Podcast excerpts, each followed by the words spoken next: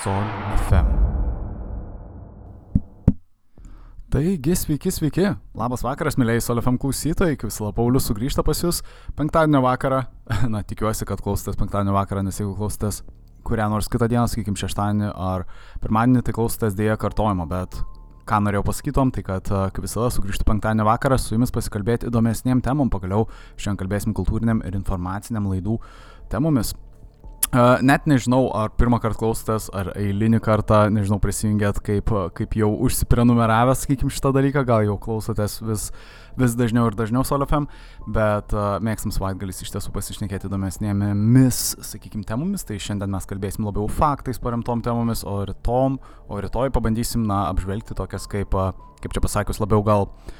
Uh, na, samokslinės galbūt temas, galbūt išgalvotas temas ir panašiai.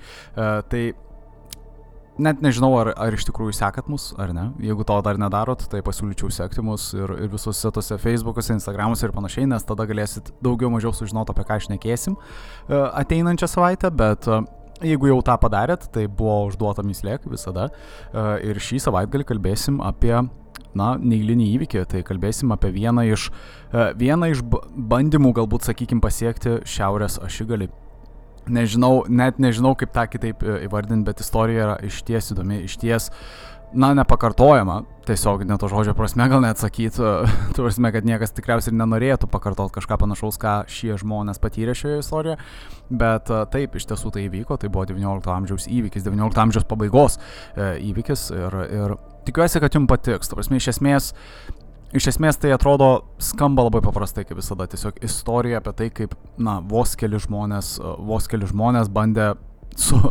su vandenilio balionu pasiekti šiaurės ašigalį. Atrodo, atrodo kvailiausias dalykas, kokį tik įmanoma sugalvoti, bet iš ties mes pastebėsim, kad, prasme, žmonės turi tą tokį polinkį nuotikiui. Ir galbūt šiandienai nežinau, kaip visada mėgstu užduoti gal kokį nors klausimą ir panašiai, bet uh, žmonės, ką jūs laikytumėt tuo tikru, na, nuotikiu, prasme, ir kada jūs paskutinį kartą patyrėt. Nes, matot, dažniausiai, uh, dažniausiai uždavo šitą klausimą, tikriausiai tikėtina, aš iš jūsų išgirščiau atsakymą, kad, na, nuotykis tai, na, kažkas gerai, visada turi būti kažkas gero ir visada turi būti kažkas naudingo, kažkas, kažkas atrodo labai lengvai, na kaip pavyzdys, kad ir paprasta kelionė. Žmonėm nuotykis gali būti, na, atrodo vos nesmulkus dalykas, toksai palyginus. Žmonės susiplanuoja, tarkim, kelionę, išvyksta į kokią pavyzdys, kaip, na, į Turkiją, tarkim, patostogauja kokią savaitę ir žmonėm tai yra nuotykis. Jie, jie tą nuotykį savo pristato savaičių savaitės. Bet realiai tai yra daugiau tokia turistinė kelionė. Pasižiūrėkime iš kitos pusės. Ar tai yra iš ties nuotykis, aš nežinau. Ką, ką aš laikyčiau nuotykiu, mano nuomonė, tai na, nuotikių visada reikia kažkiek, na, kaip čia pasakius, paukojimo, galbūt kažkokios aukos, kažkiek turi atiduoti vis tiek energijos tam ir energijos, tai ta, tu prasme, tiek fizinė prasme, tiek psichologinė prasme ir apskritai ne tik energijos, bet ir reikia pavojaus. Manau, kad kažkiek visada to, to reikia. Prasme, tai yra romantizuojamas labai dalykas, šiaip visi tie nuotykiai ir panašiai, bet jūs tikriausiai suprantat, ką aš noriu pasakyti, kad nuotykis jis neturi būti jis gali būti romantiškas, bet jis neturi būti jis neturi būti ta tokia lengva ir paprasta istorija, kur žmonės paprasčiausiai pakeliavo į Turkiją ir, ir turėjo tą savo asmeninį nuotykį. Aš manau, kad nuotykis turėtų būti tas toksai, nežinau, kažkoks išties nepakartojamas dalykas. Prasme, gilus panerimas, kaip pavyzdys, nežinau kaip čia kitaip pasakius, prasme, uh, tikriausiai girdėjot apie rekordus, kaip žmonės sumušinėja uh, rekordus ne, nerdami labai giliai po vandeniu, tarkim, ir panašiai. Tai yra labai pavojingas dalykas. Bet kai kurie žmonės yra išties pasiryžę, ta prasme, ne tik panert labai giliai, bet ir išbūt labai giliai, ta prasme, panerę. Mes to galbūt nesuprasim ir nebandysim to daryti ir aš siūlyčiau niekam to nedaryti, tai yra labai pavojingas dalykas gyvybei. Daugybė žmonių prarado gyvybės darydami tokius dalykus. Bet tie žmonės išnirę realiai, ką jie papasakoja, tai kad, na, ta prasme, tai yra realiai nuotykis jiem. Tai yra kažkokia, nežinau, nesuvokiama dozė adrenalino, ta prasme, teikiantis dalykas, kuris, na, verčia jų gyvenimą tiesiog, nežinau, pakeisti vos, vos nepakeičia jų gyvenimo prasme, gal taip sakykime. Iš, tie, iš ties atrodo nepakartojamas dalykas. Ir, ir tą aš noriu pasakyti su to nuotykiu, kad nuotykis jisai neturi būti toks nežinau, saldus galbūt dalykas. Jisai toks vos ne, vos ne galbūt kančia tam tikrą prasme, bet kartu ir su tokiu nepakartojamu uh, atlygiu, galbūt atpildu. Ta prasme, tai, kad tu gauni iš to nuotikio visą laiką bus daugiau nei tu atiduodi. Bet kartais tiesiog žmonėm nepasiseka, gal net nežinau kaip tą kitaip pasakyti. Ir, ir šios dienos istorija ir bus daugiau mažiau tokia kaip, na, bus nuotykis, iš ties nuotykis, ką aš jums pasakosiu, bet tai nebus nuotykis, kuris, na, pasibaigė gerai. Tiem žmonėm, kurie dalyvavo tame nuotykėje, iš ties jie tikriausiai patyrė tai, ko niekas iš mūsų niekada nepatirs, bet, na, net nežinau kaip tą kitaip pasakyti, prasme, tai liūdna istorija savotiškai. Ir taip, ne, ne vienas iš mūsų to nepatirs, bet galbūt tie žmonės mums kartu ir davė kai ką. Tai jie davė mums kažkokį, na, pamokslą, galbūt pamoką, uh, nerizikuot per daug, galbūt netiduot per daug, arba galbūt pasiruošti labiau ir panašiai, prieš prisimant tokias rizikas ir panašiai. Tai taip, uh, sugrįžtant prie prie pagrindinės temos. aš visai net pamiršau jūsų paklausti, kaip jums sekasi žmonės. Jeigu ką galit parašyti, galit net ir paskambinti, jeigu, kaip ir minėjau, klausotės, jeigu, jeigu penktadienį vakare, tai, tai, tai galit man ir paskambinti, aš atsiliepsiu iš kad čia taip, tiesiogiai bus juokinga, juokinga pašnekėti, bet uh, kai kurie gal mėgsta tokius dalykus, tai galim pasis, pasišnekėti. Tai taip, esmė šios temos šios dienos yra labai paprasta. Mes kalbėsim apie pirmąjį bandymą, na, nepasakyčiau, kad pirmąjį, bet galbūt pirmąjį švedų bandymą nusigauti į šiaurės ašigalį su vandenilio balionu. Uh, iš ties neįtikėtinas dalykas. Tai taip, galim pradėti, galim bandyti. Žmonės, ką jūs žinot apie tuos balionus ir apie visą tai, turime, net nežinau kaip tą kitaip pasakyti, bet ar, ar esat kada nors skridę, tarkim, su karšto oro balionu? Turime, tikriausiai žinot, kas tai yra. Nežinau, gal jums kai kuriem atrodė baisu ar ne. Tikėtina, kad uh, tikėtina, kad tie, kurie, kurie patyrė, tai, na, tu prasme, irgi pavadintų tai nuotikiu, iš ties nuotikiu, bet ar pasiryštumėt su tokiu daiktu išskrist iki pat šiaurės ašigalio, tikriausiai ne. Bet ką aš noriu pasakyti to, kad iš esmės praėjusio amžiaus žmonės, na, aeronautika nebuvo toks pažengęs dalykas. Dar mes kalbam apie XIX amžiaus pabaigą, tai žmonės, žmonės buvo nusistatę ir ypač mokslininkai apskritai tuo metu buvo nusistatę, kad tokie dalykai kaip skrydžiai, skrydžiai su daiktų, kuris yra sunkesnis už, uh, už orą, sakykime, bus neįmanomas dalykas. Ta prasme, na, lėktuvas, toks dalykas kaip mūsų lėktuvas, jiem buvo nesuvokiamas, nes, na, lėktuvas yra sunkesnis nei oras, bet, na, buvo nusistačiusi ta tokia kaip ir teorija, sakykime, kad tai yra neįmanoma. Skristi su aparatu, kuris sunkesnis yra už orą, yra neįmanoma. Todėl, ką, kas tas lengviausias išradimas galbūt būtų, tai tas būtų žymusis uh, prancūzų išradimas, tai tiesiog karšto oro balionas. Ir lygiai taip pat šalia Tu prasme, pirmiau atsirado karšto oro balionas, bet realiai po mėnesio atsirado, net ne po pilno mėnesio, atsirado iš karto tais pačiais metais, 1783, atsirado ir vandenilio balionas, kuris, na, viena prasme galima sakyti, kad jisai viskuom praktiškai yra geresnis nei karšto oro balionas. Jisai, jisai sulaiko tas dujas, sakykime, jisai būna, na, įsivaizduokit, tas balionas tiesiog kaip paprastas didelis pripučiamas, sakykime, balionas su tom dujom ir jisai, na, E, ta, ta prasme yra sandariai surištas ir, ir savame suprantama, jisai gal, gali ilgiau išlaikyti galbūt tą, e, ta, tas dujas ir kartu, na, jo nereikia, nereikia, ta prasme, pastoviai deginti ir panašiai, bet e, tai gali būti labai pavojingas balionas, jisai gali sprogti, ta prasme, pakilus šiek tiek per aukštai, kaip pavyzdys, arba, arba prasme, gavus per daug deguonės ir panašiai, jisai gali tiesiog sprogti, na, iš ties, prasme, net nemoku kitaip aiškinti, jisai gali, na, sukelti didžiulį pavojų. Bet tokie balionai yra iki šiol naudojami, kaip pavyzdys, kaip pavyzdys na, klimatui. Nustatant, sakykime, klimato aukštose, aukštose atmosferose, to prasme, aukščiau esančiose atmosferose. Nežinau, ar esat matę čia, aišku, su telefonu iki tiek nedatrauksim taip toli, bet labai labai aukštai esate, to prasme, sinoptikai ir šiaip klimato e, mokslininkai, to prasme, naudoja tokius, tokio labai panašaus principo veikiančius e, balionus, kurie iškyla labai aukštai. E, ir, prasme, realiai jie paima vos ne kaip tokius kaip mėginius, sakykime, iš tos atmosferos.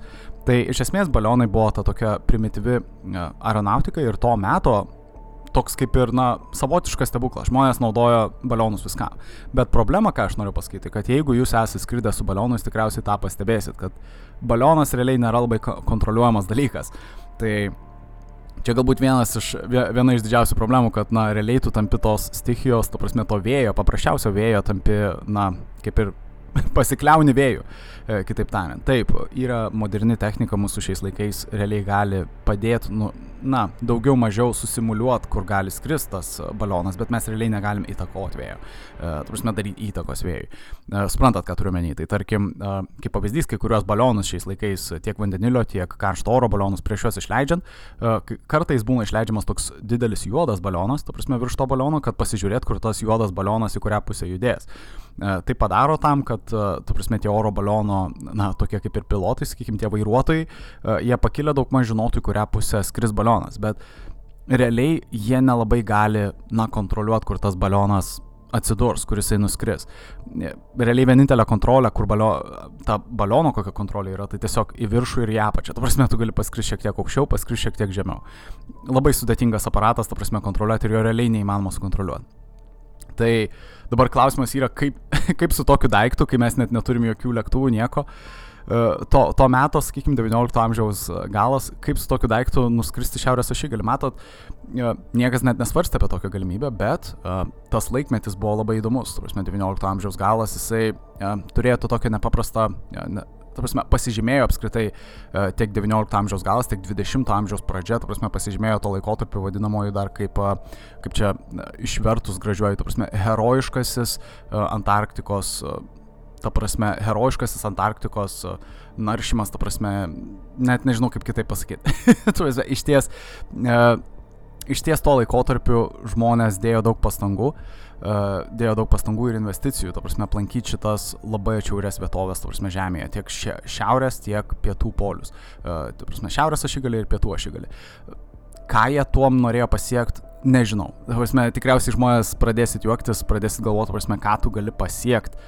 Na, tarkim, šiaurės ašigalis, na, ten nieko nėra, realiai ten tiesiog yra vanduo ir, ir, ir pastoviai plaukiantis ledas, ta prasme, tikriausiai žinom tą. E, pietų ašigalis tai yra, na, Antarktida, tai realiai ten tiesiog žemynas, kuris yra labai atšiaurus, jisai, jame realiai irgi nieko nėra, kas ten pingvinai, e, meškos, turbūt ir, ir viskas, realiai, na, mes nieko neturim.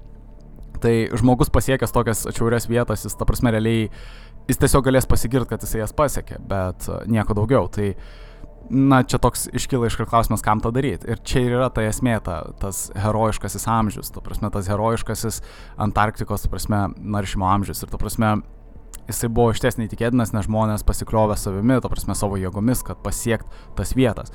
Šį amžių pakeitė mechaninis amžius. Tai yra kai buvo pasikliaunama mechanika, savame suprantama, tas amžius, uh, kuomet žmonės tada pasitelkė lėktuvus, nežinau, įvairiausius laivus, na, jie mažiau pasitelkė savo pačių jėgas pasiektas vietas, bet uh, pasitelkė techniką, kurią jie išrado. Uh, Čia aišku yra daug teo teorizuojama, iš kur atsiranda tas žmogaus, tas žmogaus noras, ta prasme, pasiekti tokias vietas ir panašiai. Ypač, kai mes žinom, kad, na, nei šiaurės, nei pietų ašigalėje nėra kažko, na, nėra kažkokios kasyklos, nėra kažkokio, žinot, uh, uh, bilieto į šokolado fabriką ar kažko panašaus, prasme, tu nieko nelaimėsi nusigavęs į tas vietas. Bet kažkas vis tiek žmonės traukia į tas vietas ir va būtent tas herojiškasis amžius taip ir pavadintas, kad herojiškasis. Žmonės tiesiog norėjo nuvykti tą vietą, kad būtų pirmi. Supranta, dabar kažin ar tu surasi vietą žemėje, kurioje tu galėsi šimtų procentų pasakyti, kad tu pirmas. Arba kad tu, na, kažkur tapai pirmas. Iš ties tampa sunkiau, matot, ką aš turiu pasakyti. Ne, ką aš noriu pasakyti. Prasme, mes gyvenam tokiame dabar amžiuje, kada jau mūsų žemė realiai, na, galima sakyti, plius minus yra išnaršyta. Ir uh, praktiškai visur mūsų protėviai arba, arba kažkas iš mūsų pažįstamų jau yra žengę. E, me, mes tikriausiai nepatirsim tokių nuotikių, kaip, kaip šie žmonės patyrė, prasme, kaip šie švedai su savo, su savo e, vandenilio baliono ar, ar, ar kažkas kitas. Tai dėl to ir tai buvo vadinamas toks kaip herojiškasis amžius, kad žmonės žinojo šimtų procentų, kad jie nieko, na, nepasieks, jie nieko neuždirbs iš tų vietovių. Tačiau jie žinojo, kad, na, jie bus pirmieji, kurie tą padarė ir jie vis tiek įeis į, į istoriją. Nors mes nepaisant to, kad jie rizikuos savo gyvybėm, žinoma, kad jie darys labai pavojingą dalyką, jie patirs nuotykį tokį, kokio niekas nepatyrė. Ir jie kartu gaus iš to nuotykio tai, ko niekas kitas lygiai taip pat negaus. Tai yra, na, jie gaus istoriją. Prasme, jie taps istorijos dalis. Jie taps pirmieji, kurie, na, nusikako į, tą, į, į, į tuos polius, sakykime. Tai taip, Antarktika naršė ir buvo daugybė ekspedicijų, ta prasme, daugybė žmonių bandė išnaršyti ir, su, ir ta prasme, dar tuo metu buvo labai sunku surasti uh, Antarktinį, ta prasme, tą pietų polį, ta prasme, pietų, pietų ašigalį buvo iš tiesų sunku nustatyti, įsivaizduoju, kad, ta prasme, tai nėra tiesiog kompaso sėkimas, žinot, ir žvaigždžių sėkimas ir kažkas panašaus, tai yra iš ties sudėtingas, prasme, procesas, bet mes žinom, kas pirmasis tą padarė, tai, na, uh, savai mes suprantama, prasme, Nežinau, ar jūs žinot ar ne, bet uh, iš viso tai įvyko, to prasme, 1911-aisiais. Čia apskritai, čia toks uh, kaip ir nukrypimas, atleiskit, bet iš ties plati tema šiandien, tai aš daug gal šnekėsiu, nepykit. Tai Roaldas Amundsenas, uh, jisai yra norvegų, uh, norvegų ta prasme, žymusis, žymusis norvegas, kuris, kuris pasiekė ne tik pietų ašigalį, bet ir šiaurės ašigalį, galima sakyti. Nes žmonės ar žinot, kas apskritai šiaip šiaurės ašigalį pasiekė, čia, čia tokia gan kontroversiška, na, teorija, net nežinau, čia samokslo teorija gal šiek tiek ar kas, bet Roaldas Amundsenas yra žinomas kaip pirmasis žmogus, kuris pasiekė abu, abu ašigalius, šiaurės ir pietų. Bet kas, gal kažkas prieš jį, na, pasiekė pirmiau, ta prasme, šiaurės ašigalį, nes daug žmonių, ta prasme, sąja, kad pasiekė, ta prasme, amerikiečiai, Frederikas Kukas, 1908-aisiais Robertas Pieris, 1909-aisiais ir žinoma, žymusis aviatorius Richardas Ab Birdas, ta prasme, 1926-aisiais. Jie visi teigia, kad jie pasiekė šiaurės ašigalį anksčiau nei Roaldas Amundsenas, bet Roaldas Amundsenas, kaip žinia, jisai galėjo įrodyti tą, jis, ta prasme, iš ties ta jo ekspedicija buvo, na, šimtų procentų patvirtinta. Jisai Šiaurės ašigalį pasiekė 1926, na, jisai pasiekė dar su 15 vyrų, ta prasme, jisai pasitelkė dirižablį, e, ne šiaip kokį oro balioną, bet tikrą orlaivį, dirižablį, labai gražus daiktas, galima sakyti. Irgi gal šiek tiek pavojingas, sakyčiau, bet uh, iš ties labai na, tie zepelinai visada man patikdavo, tu prasme, juos matyti, bet čia atleisk, kad vėl nukrypstu.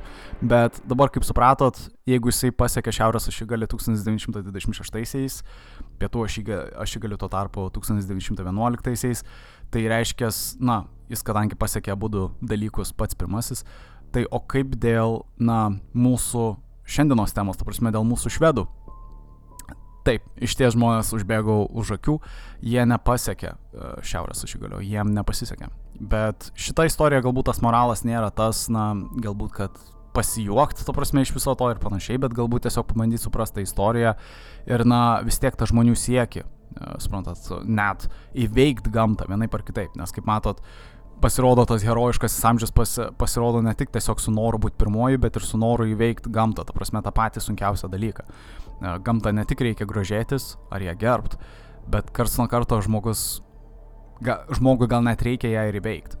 prasme, karts nuo karto, skaičiu. Bet gal šiuo atveju nereikėjo jos įveikti ar jai priešintis ir panašiai. Gal, gal čia buvo trys netiktis, apie kurias mes šnekėsim šiandien, kurių gali, ga, galima buvo išvengti. Bet, na, nežinau, man šita istorija yra gan įdomi. Uh, Ir uh, tikiuosi, jų minai irgi patiks, čia nežinau, toks gan ilgas labai intro ir panašiai, tai aš čia vis klausinėjau jūsų, ar, ar skraidėt oro baliono ar ne, ar tu prasme, ar jums patiko ir panašiai. Tai uh, luktelk, atrodo, dar kažkas dar ir parašė. A, taip, čia nais. Atleiskit, šiek tiek nukreipiau dėmesį, karts, kart, karts nuo karto būna, kad parašo, uh, tu prasme, žmonės. Tai ne, uh, prioritetą šį kartą teiksiu, uh, teiksiu, tu prasme, skambučiam, jeigu norit kažką pasakyti, paskambinkit, aš neatrašinėsiu, to prasme, kol šneku, nepykit, juokinga šiek tiek, bet taip, e, būtinai atrašysiu per pertrauką, bet dabar turiu papasakot, turiu jums papasakot pačią istoriją. Tai, taigi, mes šiandien kalbėsim apie tris švedus, e, konkrečiai kalbėsim apie apie būtent jų siekį pasiekti Šiaurės ašigalį, būti net tais jau tikrais pirmaisiais, ta prasme, Šiaurės ašigalį pasiekusiais žmonėm. Kaip žinia, taisyklės nėra, tau nereikia nuplaukti Šiaurės ašigalį, tau nereikia ten nujot ar kažkas panašaus, tau tai reikia jį pamatyti, nu realiai apsilankytėme ar, arba praskrist, e, kaip pavyzdys. Tai čia buvo tokia idėja, tu prasme, praskrist su oro balionu, nes tuo metu aviacija nebuvo pažengusi iki tiek, kad na, naudot lėktuvus, kurie buvo sunkesni už orą. Kaip ir minėjau, žmonės net netikėjo, kad tai įmanoma. Nors jau buvo 19 amžiaus pabaiga, buvo tik tais teorizuojami tokie variantai, e, bet realiai žmonės galvojo, kad tai neįmanoma. Prasme, tai, tai taip, ka, kas beliko pasitelkti, žmonės, na, būtent tie švedai, o tiksliau mūsų žymusis švedas, tai šiuo atveju bus Solomonas Augustas Andrė. Tikiuosi, aš jo teisingai pasakiau pavardę, atleiskit, nes jisai žymusis švedų inžinierius, jisai nebuvo pasi... Ta prasme, jis nėra žymus ne, nėra žymus savo inžinierija, gal sakykim, bet gal labiau yra žymus savo poelgiais šiuo atveju šioje istorijoje. Tai uh, Nepykit. Prasme, nepykit inžinieriai, apie kurias iš negu tikiu, kad mūsų lietuvių inžinieriai galbūt uh, irgi pasirodys, pasirodys, to prasme, įvairiose, na, uh, nežinau, publikacijose ir panašiai, bet šiuo atveju šis žmogus, šis inžinierius, jisai nepasirodė jokioje publikacijoje, bet jisai tapo žymus dėl savo, galbūt, sakykime, nepavykusios ekspedicijos, gal, gal taip sakykime. Tai taip, Pirmasis jisai realiai, kaip ir minėjau, Salmonas Augustas Andrėjus, jisai buvo apskritai organizatorius visos šitos ekspedicijos, jisai buvo kaip ir pagrindinis, sakykime, veikėjas šios istorijos, ar ne?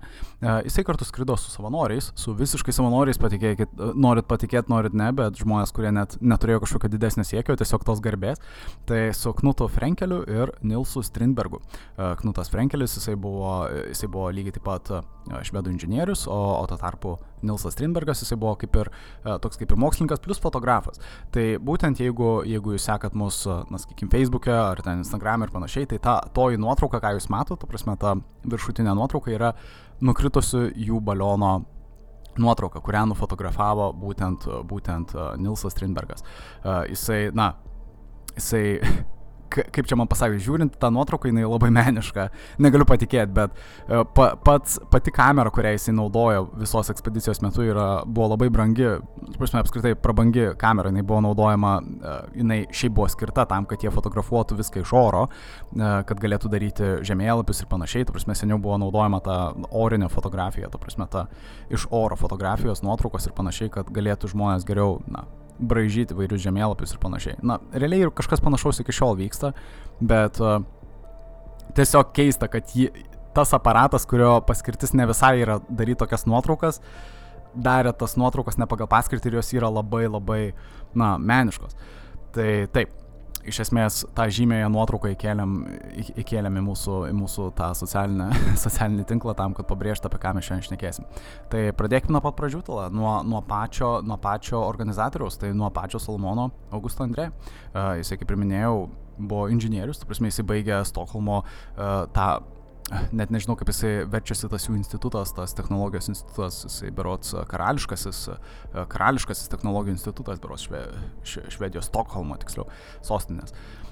Jisai baigė mechaninę inžineriją, jisai, na, pasireiškia kaip visai neblogas inžinierius, galima sakyti, jisai, jisai nebuvo prastas studentas, jisai iš ties mėgo tą, ką jisai darė, jisai buvo ganėtinai gabus ir jisai mėgo aeronautiką, jisai mėgo labai, na, kaip čia pasakius, uh, jisai labai mylėjo, to prasme, tuos nuotykius, gal taip sakykim. E, net nežinau, nes pati ir istorija, apie kurią mes čia šnekėsim, skamba kaip Žiulio e, Verno, kaip ir novelė kažkokia. E, nežinau, žinau, prasme, prancūzų poeto ir rašytojo, prasme, Žiulio Verno, tarkim, kelionė į pasaulio centrą arba kelionė aplink pasaulį per 80 dienų, tai realiai šita istorija skamba labai panašiai. Ta prasme, tai tai visa, visa šita istorija taip skamba labai dažnai aš tą patinu galbūt su kitais autoriais, ta prasme, tas istorijas, bet kai kurie mano, kad galbūt jisai buvo paveiktas šiek tiek Žiulio Verno, ta prasme, kūrybos. Uh, Salmonas Augustas Andrė, aš gal jį vadinsiu Andrė, kad būtų paprasčiau. Tai Andrė galbūt buvo labai, uh, labai nežinau, pačioj pradžioj gal jau net nuo paauglystės, kai kurie, kai kurie mano, kad galbūt buvo paveiktas tos, uh, tos kūrybos. Ta prasme, galbūt jisai labai uh, na, jiems sudarė tą tokį įspūdį, kad jisai gali būti tas pirmasis irgi, kuris galbūt apkeliaus pasaulį, galbūt nukeliaus į tą centrą pasaulio, nežinau.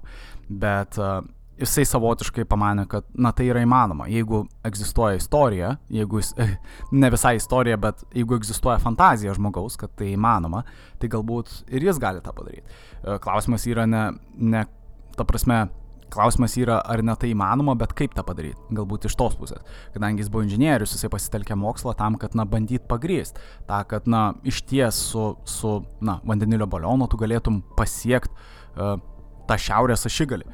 Tai iš esmės jisai, kaip ir minėjau, pabaigęs universitetą, jisai pradėjo savo, sakykime, darbą, e, karjerą, bet jisai, jisai nedirbo kaip inžinierius, jisai, e, dėja jisai dirbo, na, valytoju.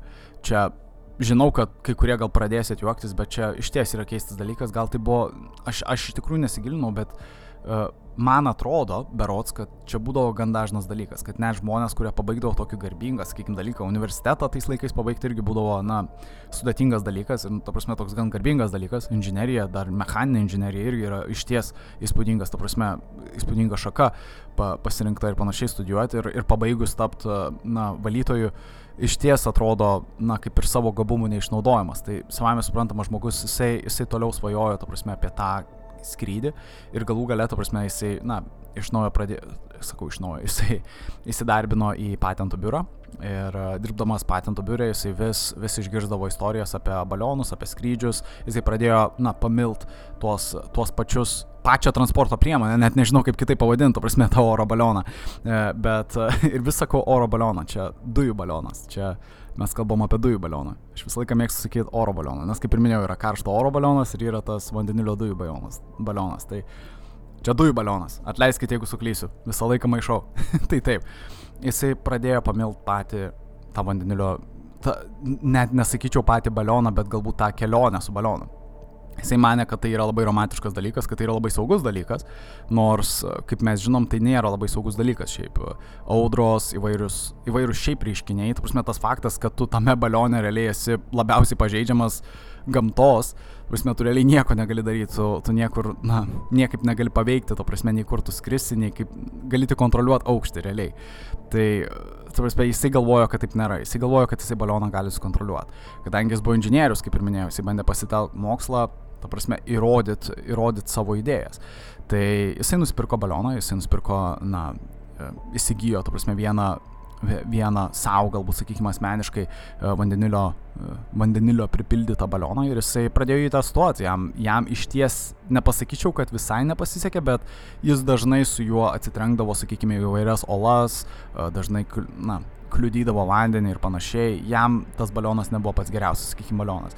Jisai ką suprato, tai kad jam reikės geresnio baliono, bet iš esmės jisai su to balionu sugebėjo ištestuoti savo tokį keistą metodą.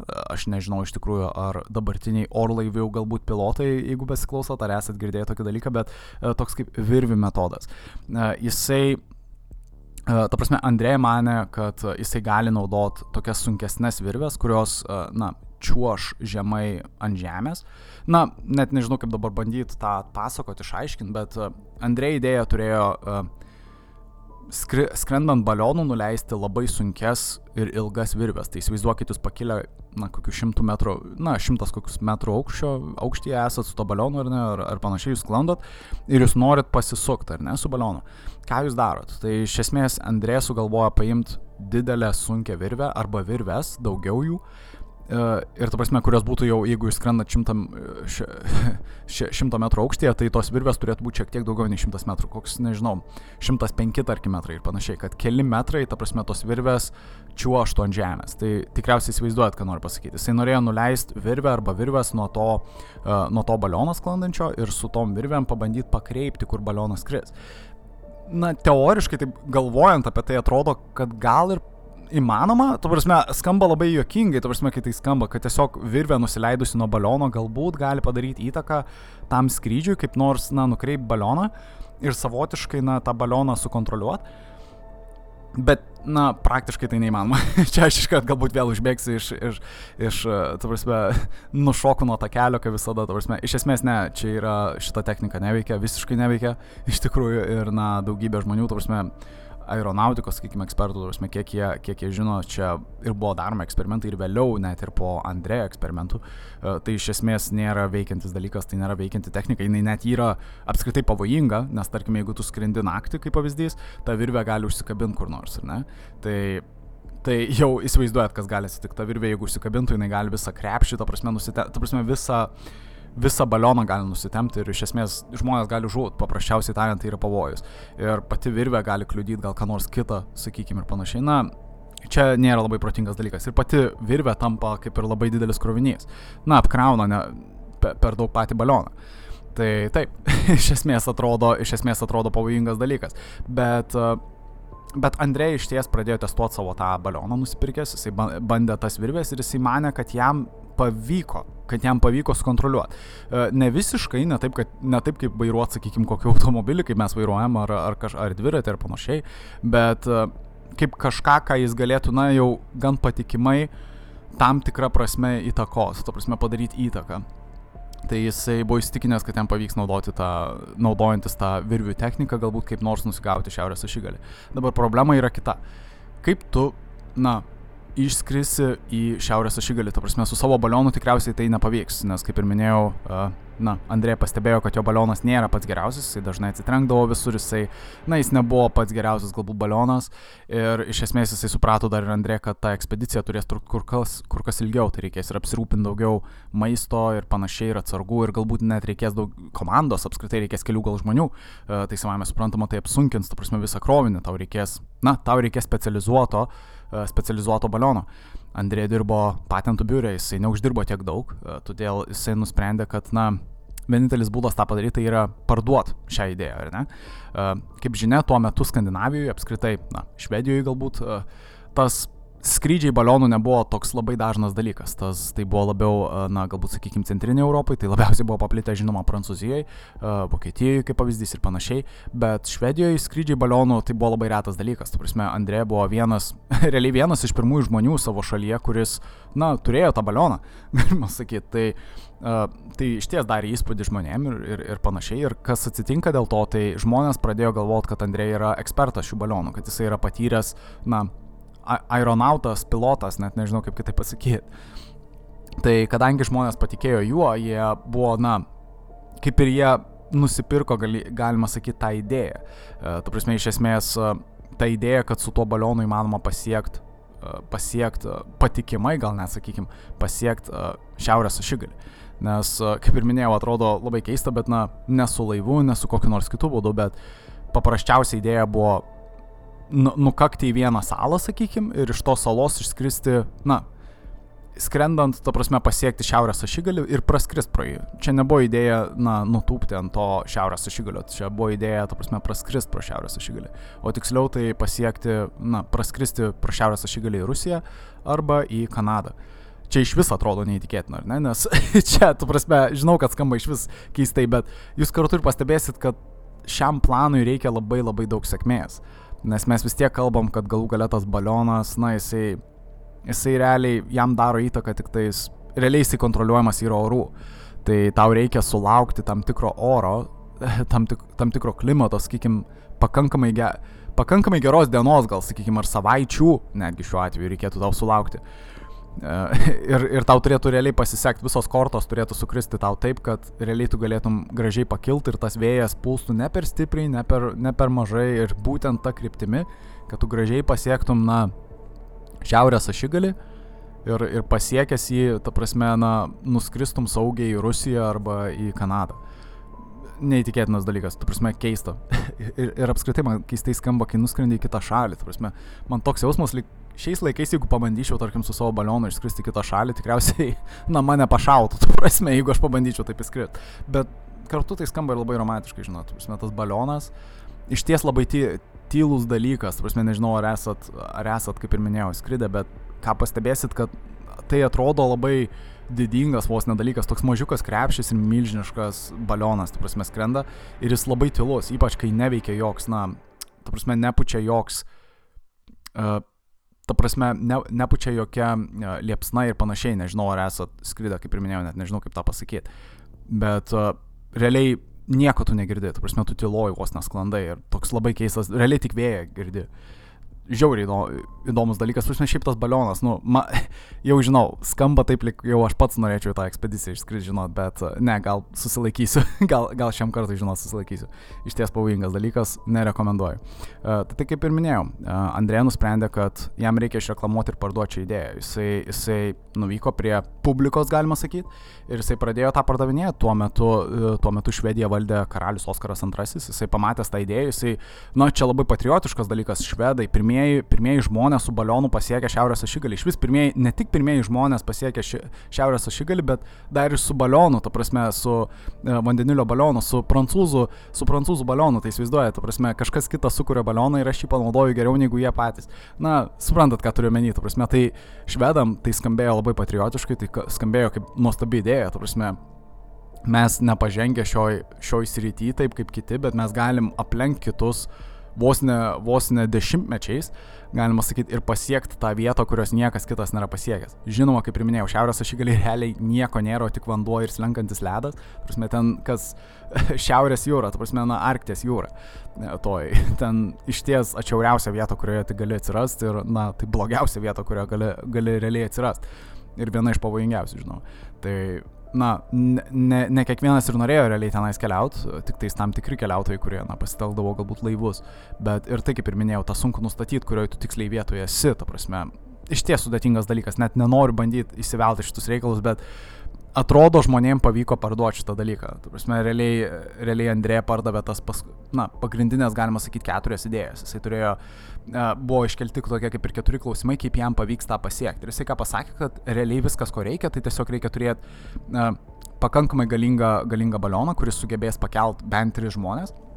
Ir kartu su, trej, su trejais žmonėm, na, ta prasme, trejais žmonėm, kurie sėdės tame krepšyje, turės, na, tilpti ir kartu ir, žinoma, Ta prasme, visa įranga, visos palapinės, ta prasme, visos atsargos, visas dalykas. Tai e, Andrė pateikė publikai savo kaip ir, na, tokius preliminarus skaičiavimus, tai kad reikės apie 3 tonų svorio, svorio, svorį iškeliančio baliono. E, aišku, Andrė, kaip ir minėjau, turėjo to tokį mėgėjišką balioną, jisai tokių dalykų negalėjo turėti, tai jisai siekia kuo daugiau, na, gauti finansavimo, daugiau pinigų ir panašiai. E, jisai kartu ir norėjo baliono, kad jisai būtų ne šiaip paprastas vandenilio balionas, bet tas, kuris galėtų sulaikyti tas dujas bent 30 dienų, ta prasme, bent, bent mėnesį. Tai nėra neįmanomas dalykas, tai iš ties įmanoma, bent jau šiais laikais tai čia, na, daugybę tokių balionų galima sukurti, bet tuo metu jūs supraskite, kad tos medžiagos nebuvo tokios geros tų balionų ir jos nebuvo tokios sandarios.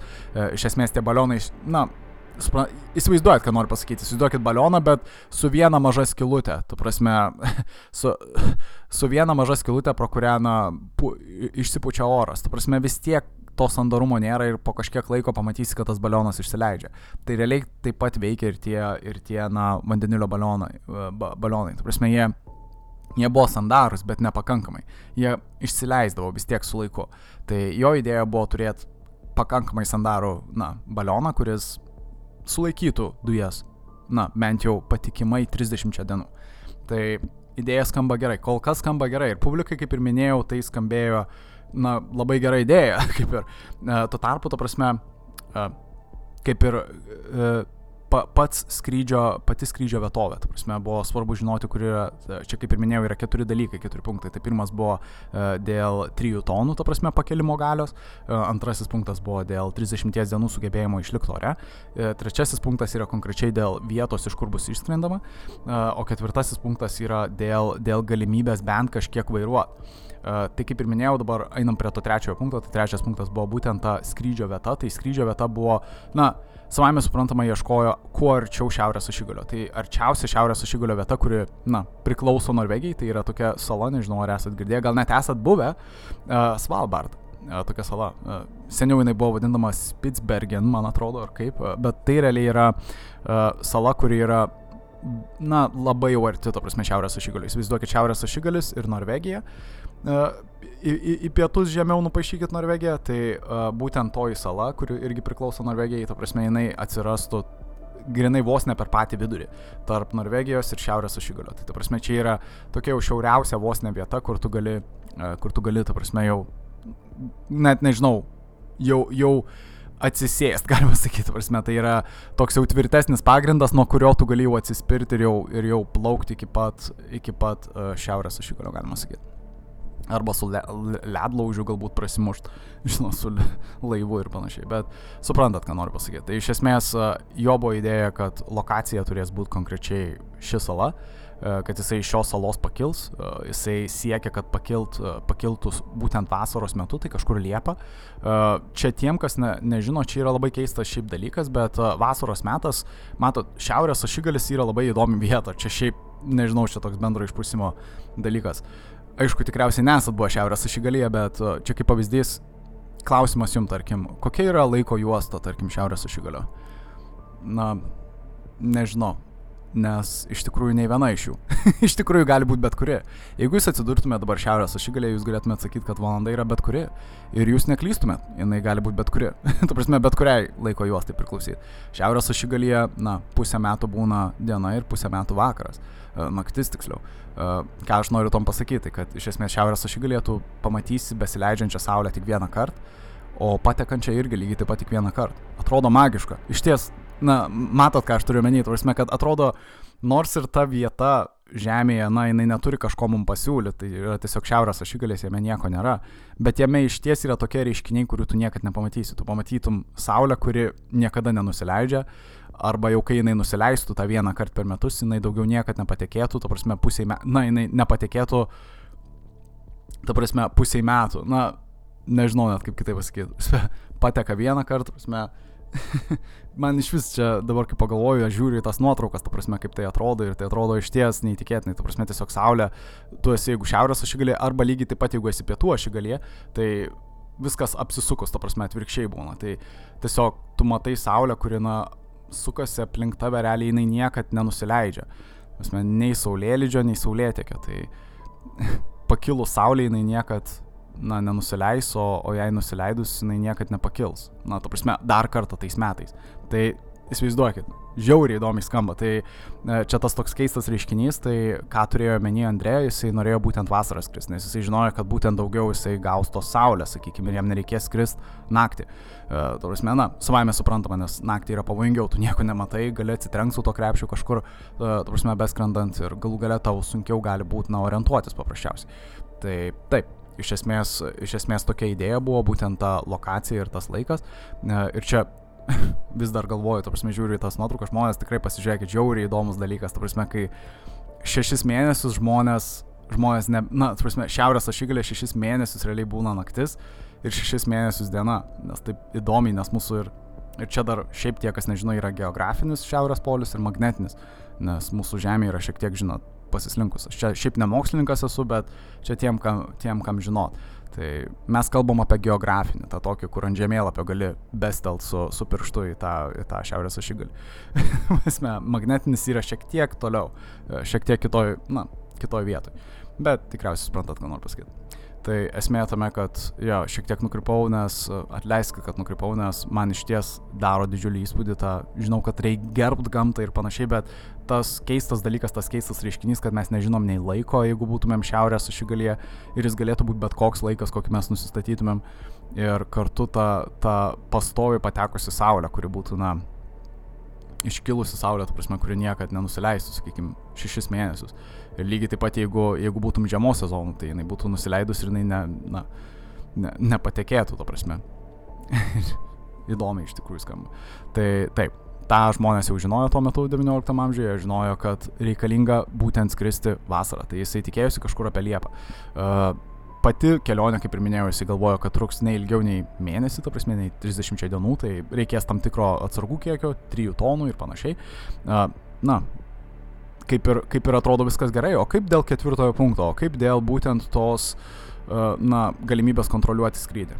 Tai, na, tikriausiai jau žinot atsakymą, kaip, kaip, kaip Andrė bandė pagrysti tą publikai, tai jisai nurodė, kad, na, jisai jau rado būdą ir tai yra labai eksperimentinis ir įdomus būdas ir tai yra naudojant virves. Tas būtent tas pačias sunkiasis virves, kurias jisai testavo ir kurios, na, nežinau, jam atrodo lyg pasiteisino, bet, na, publikai irgi atrodė, kad pasiteisina, nes vėlgi, kaip ir minėjau, Andrė prisistatė kaip, na, mechani, mechaninis inžinierius, ta prasme, jis žino apie ką šneka, jis pats turi balioną, kurį testuoja pastoviai, uh, na, nėra niekom netikėt, ta prasme, realiai.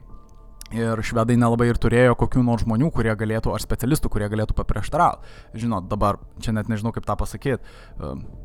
Uh, Prasme, švedai tuo metu nelabai turėjo ba balionų skraidytojų galbūt, tų specialistų, e, kaip ir minėjau, jisai buvo vienas iš tų pirmųjų žmonių, e, todėl ir parduoti pačią idėją buvo lengviau, nes jisai toksai, na, atrodė kaip, na, visai naujas vos ne kaip išradėjas, žinot, Andrėja publikai atrodė, na, koks savotiškas toks wunderkindas, žinot. E, čia, nežinau, jeigu jisai būtų bandęs padaryti kažką panašaus Vokietijoje, nes, pavyzdžiui, jo šitas dalykas, kaip pavyzdys, jisai ne, išgarsėjo visur, ta prasme, jis tarptautiniu lygmeniu tapo garsus, ta prasme, jį pradėjo spausdinti žurnaluose, žmonės labai pradėjo domėtis pačią ekspediciją šitą ir tuo siekiu pasiekti šiaurės ašigalį su balionu. Tu prasme, kai kurie žmonės Vokietijoje ir Prancūzijoje, savame suprantama, pradėjo juoktis. Jie pradėjo sakyti, na, tai neįmanoma. Nes jie, žinoma, tie žmonės turėjo, turėjo patirties, ta prasme, balionuose ir jie žinojo, kad nei tos virvės veikia, nei tokios galimybės kaip su balionu išskristi iki pat šiaurės ašigalio tokiuose kondicijose, ta prasme, praktiškai neįmanoma. Dar juo labiau šiaurės ašigalė yra ir toks kaip, na, tas vakarinis, man atrodo, vėjas, jeigu neklystu. Prasme, vėjas, kuris labai pučia vos ne kaip atgal tave, ta prasme, ta, tau net reikia priešintis vėjui, kad, ta prasme, tu galėtum pasiekti šiaurės ašigalį. Prasme, gamta tavęs nenori matyti tenais žmogaus, ta prasme, ir jis vis tiek norėjo įrodyti, kad su balionu tau pavyks ten nukakti. Nors balioną puls vis pastoviai atgal, ta prasme, nuo šiaurės ašigalio. Tai ten, na, suprantat, ką noriu pasakyti. Irgi, sudėtingas labai reikalas. Tai taip, iš esmės Andrė neturėjo jokių prieštaravimų, visi atrodo su juo sutiko ir, ir savame suprantama prasidėjo tas visas finansavimas. E, valstybė labai norėjo finansuoti ir, ir kaip ir minėjau, pats e, Oskaras II, ta prasme, e, to, tuo metinis Švedijos karalius, jisai labai susidomėjo šitų dalykų.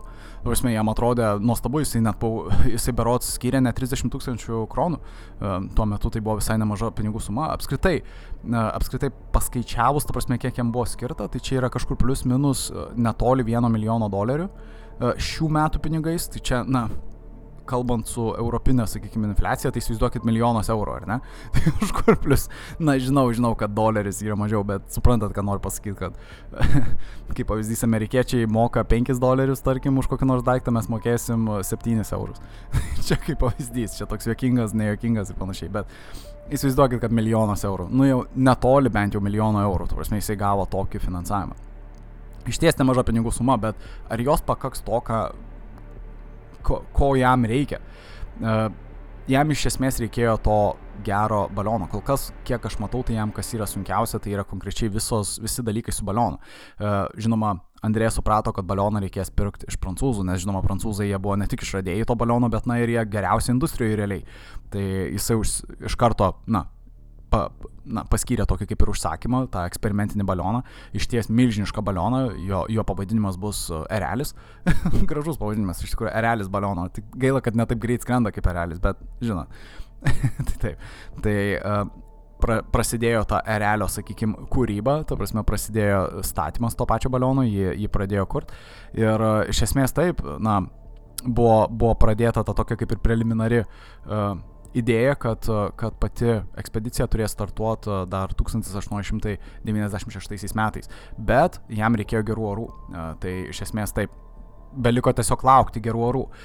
Kas atsitiko, tai belaukiant reikėjo dar ir kelių žmonių. Tai žinoma, kadangi pati ekspedicija ir pati, pati idėja labai buvo išpopuliarėjus, ta prasme, tarp švedų, na, visi labai norėjo, ta prasme, kaip ir įlipti tą balioną kartu su Andrė, tai Andrė turėjo nemažą pasirinkimą, jisai galėjo pasirinkti bet kokį žmogų praktiškai iš publikos, jisai tapo toks kaip ir influenceris realiai, įsivaizduoju, kad galėtum keliauti kartu ir, tu prasme, būti pirmasis, kuris šiaurės ašigalį, na, pasieks. Tai Iš ties, iš ties Andrė turėjo pasirinkimų, tai pirm, pirmoji ekspedicija, kaip ir minėjau, ta 1896-ųjų, jisai, uh, jisai kaip ir na, pasirinko savo buvusi vadovą, savo buvusi darbo, darbo vadovą, kuris irgi taip pat buvo kaip ir mokslininkas, kuris jam padėjo navigu, ne tik naviguoti, bet, ta prasme, apskritai jis jam padėjo, na, šiek tiek su skaičiavimais, atlikti tam tikrus skaičiavimus, ta prasme, skaičiuojant, skaičiuojant tas galimybės, ta prasme, pasiekti šiaurės ašigalį ir, ir atgal, ta prasme, sugrįžti su tuo pačiu balionu. Tai, na, iš ties iš ties protingas žmogus, prasme, kuris, kuris irgi prisidėjo prie tos pirmosios eks, ekspedicijos. Nes aš minėjau tris žmonės, jų pavardės nurodžiau, bet tie žmonės buvo antroji ekspedicija, kuri jau ir išskrido. O, aš, o, o pirmoji ekspedicija, ta pir, pirmasis tas bandymas, na, įvyko su Nilsu Gustafu Ekholmu, tuo minėtojų bosu, sakykime, jo buvusiu vadovu, kuris, kuris kartu, kaip ir minėjau, turėjo tos patirties, mokslinės patirties, jisai buvo toks kaip ir meteorologas ir kartu, e, e, kartu su jais skrido ir Nilsas Strindbergas, tas pats fotografas, kuris ir antrą kartą po to sudalyvaus. Tai iš esmės čia buvo pirmoji ta trijulė e, ir Andrė, žinoma, trijulės lyderis. Tai Andrė, Nilsas ir Nilsas Strindbergas. du Nilsai, kitaip tariant. Tai Ekholmas, gal taip sakykime, Nilsas Gustafas Ekholmas ir Nilsas Strindbergas. Atleiskit su tom pavardėm, aš čia užsirašęs, bet labai labai kartais buvo sudėtinga. Tai Ekholmas ir Strindbergas ir Andrė. Tai visi šie trys žmonės, tavasme, nusprendė sudalyvauti toje pirmoje, e, pirmoje ekspedicijoje. E, kas atsitiko, tai kad iš esmės, na, jiem atvykus, dar, dar tais 1896 jie galvojo, kad orai bus visai neblogi, bet ką jie pastebėjo, tai kad, na vis tiek sniego yra nemažai, ten yra jau visai netoli šiaurės ašigalio pati vietovė, kaip ir minėjau, jie nusprendė, uh, nusprendė viską padaryti iš tos, iš tos salos, tos mano minėtosios, tu prasme, Spitsbergeno vadinamojo anksčiau, Svalbardo salos tiksliau. Svalbardo sala, kuris seniau buvo vadinamas Spitsbergenas. Tai jie nusprendė viską, na, viską pradėti nuo tos salos ir žinoma, ta, ta sala yra labai, kaip čia pasakius, snieguota. Ir žinoma, kai kurie pradėjo kelt klausimus, o jeigu, na, sniegas pateks ant pačio krepšio, ar nenutemps to krepšio? Ir, na, Andrė atrodo lik rasdavo pasteisinimą visada. Jisai, jisai ką norėjo pasakyti, kad sniegas yra sausas, jį nupūs vėjas, čia nėra bėda, galų gale, galų gale iškilo klausimas, kaip pasišildysi maistą, tarkim, ir, ir panašiai. Ta prasme, realiai to negali daryti, nes čia yra vandenilio balionas, tu susproksi, ta prasme. Tai idėja buvo, kad, na, nusileisim tokį, tokį net nežinau, nešiojamą kaip ir... Uh, net nežinau kaip tą kaitintuvėlį tokio nešiojamą, ta prasme, kurį nusileisim žemyn, ta prasme, beskrendant balionų vos ne 8 metrų, su 8 metrų virvė, ta prasme, nusileisim ir bandysim užkaisti savo, na, arba tinuką, tarsi jokinga iš tiesų, bet buvo tokių keistų idėjų, kurias Andrėja turėjo, kad, na, pavyks, visą laiką pavyks, tu tiesiog negalvok apie tai. Ir apskritai Andrėja galvojo, kad pati kelionė bus kažkas panašaus kaip ir iš pačio Žiulio Verno romano, prasme, Žiulio Verno kūrybos, kad realiai jis tiesiog, na, sėdės balionė, valgys, na, džiaugsis su savo draugais, galima sakyti, ir, na, praskris pro šiaurės ašigalį, tu prasme, realiai čia buvo jo tokia, kaip, na, toks kaip ir planas. Na, ką, ką, ką žmonės pamatė, tai iš esmės, na, atvykę tą 1896 metų dieną, tas pirmasis, pirmasis bandymas, jie pamatė, kad tai yra išties pavojinga. Visų pirma, kad pačios sąlygos jau, jau iš karto orai pablogėjo, pirmas dalykas, netikėtai pablogėjo, bet, na, aišku, aišku, čia nėra labai didelis pasiteisinimas, pats, pats Andrė, jis jau pradėjo jausti kaip ir spaudimą iš visuomenės, kad reikia kažkokių rezultatų, jisai čia prisižadėjo, tai dabar jau reikia kaip ir pasiektos rezultatus. Tap pirmasis, pirmasis švedas su savo dviem kitais švedais draugais, ta prasme, pagaliau tapkite, na, tie balionistai, kurie, kurie pasieksit tą šiaurės ašigalį. Tai iš ties didelis spaudimas, iš ties daug atsakomybės, tai žmogus buvo pasiryžęs nepaisant nieko, nepaisant jokių sąlygų, ta prasme, sėsti tą balioną išskrist. Uh, ką pamatė jie, tai jie pamatė, kad tas balionas, tas balionas, kurį jie nusipirko, nėra toks, na, geras, kokio jie tikėjos. Uh, bent jau vieno iš jų, vieno iš jų, ta prasme, iš trijulės minėtojo Nilsas Gustafas Eklomas, e, Ekholmas tiksliau, jisai pradėjo reikšti, na, tas buvęs, buvo, buvęs Andrė vadovas, prasme, pradėjo reikšti tokias abejonės, kad iš esmės pats balionas, jisai atrodo lik jisai na, jisai neišlaikys 30 dienų. Uh, jisai labai greit, greitai leidžia orą, jisai pamatė, uh, tu prasme, Ekholmas pamatė, kad, uh, na, realiai stovint prie baliono tu jau girdi, kaip leidžiasi tas garsas, uh, tu prasme, ir kad jisai labai greitai, tu prasme, leidžia tas dujas, kad jis nėra toks patvarus ir sandarus, tu prasme, balionas, čia tas sandarumas yra labai svarbus dalykas. Tai čia iš ties yra pavojinga kelionė ir tikrai, ne, na, net neišeis 30 dienų, bus jo, jo skaičiavimais ta kelionė net nebūtų pasiekus 17 dienų, pagal jį maksimum 17 dienų. Tai jis pamatęs, kad jau tas balionas pradeda bliūkšti, jie, jie net nenorėjo tą krepšį realiai lipti. Čia buvo tas pirmasis, tas toks kaip, kaip ir bandymas. Bet Prasme, čia apskritai buvo jisai gėdingas, bet aš ką matau, aš matau, kad aš apskritai per daug šiandien šneku su jumis žmonės, kad man reikia jūs paleisti į pertraukėlį ir truputį, uh, truputį, nežinau, duoti jums atsipalaiduoti nuo šios istorijos, nes čia buvo dvi, du, bus du bandymai. Tu prasme, antrasis bandymas bus įdomesnis, patikėkit. Nes kol kas aš čia bandžiau, žinot, visą istoriją papasakoti ir panašiai. Tai kol kas sustokim ties tuo, kad žmonės atėjo pirmąjį kartą bandyti išskrist su balionu, ar ne? Ir kol kas užbaigim čia istoriją ir tada pabandysim po 20 minučių sugrįžę pratest. Pratesim nuo to ir užbaigsim, kaip visa ta istorija baigėsi jų ir kaip, na, viskas, viskas užsibaigė jiem. E, ta prasme, visiems mūsų, mūsų šiem šia, šiai trijuliai, ta prasme, o tiksliau gal net ne, ne šiai trijuliai, nes trijulė šiek tiek pasikeis vėliau, bet suprantat, ką noriu pasakyti vis tiek, vis tiek kažkoks likimas ištiko šios žmonės ir, ir pačią ekspediciją. Tai pakalbėsim antroje laidos dalyje. Atleiskit, kad taip nutraukiu viską, bet uh, iš esmės matau, kad jau reikia po truputį jūs atlaisvinti. Tai taip. Uh, Nežinau, pasilikit su mumis, paklausykit dar muzikos ir sugrįšim po plus minus 20 minučių. O iki to laiko, taip, pasilikit, lauksiu jūsų. ir gali dabar rašinėti, galiu atsakinėti. Iki, iki.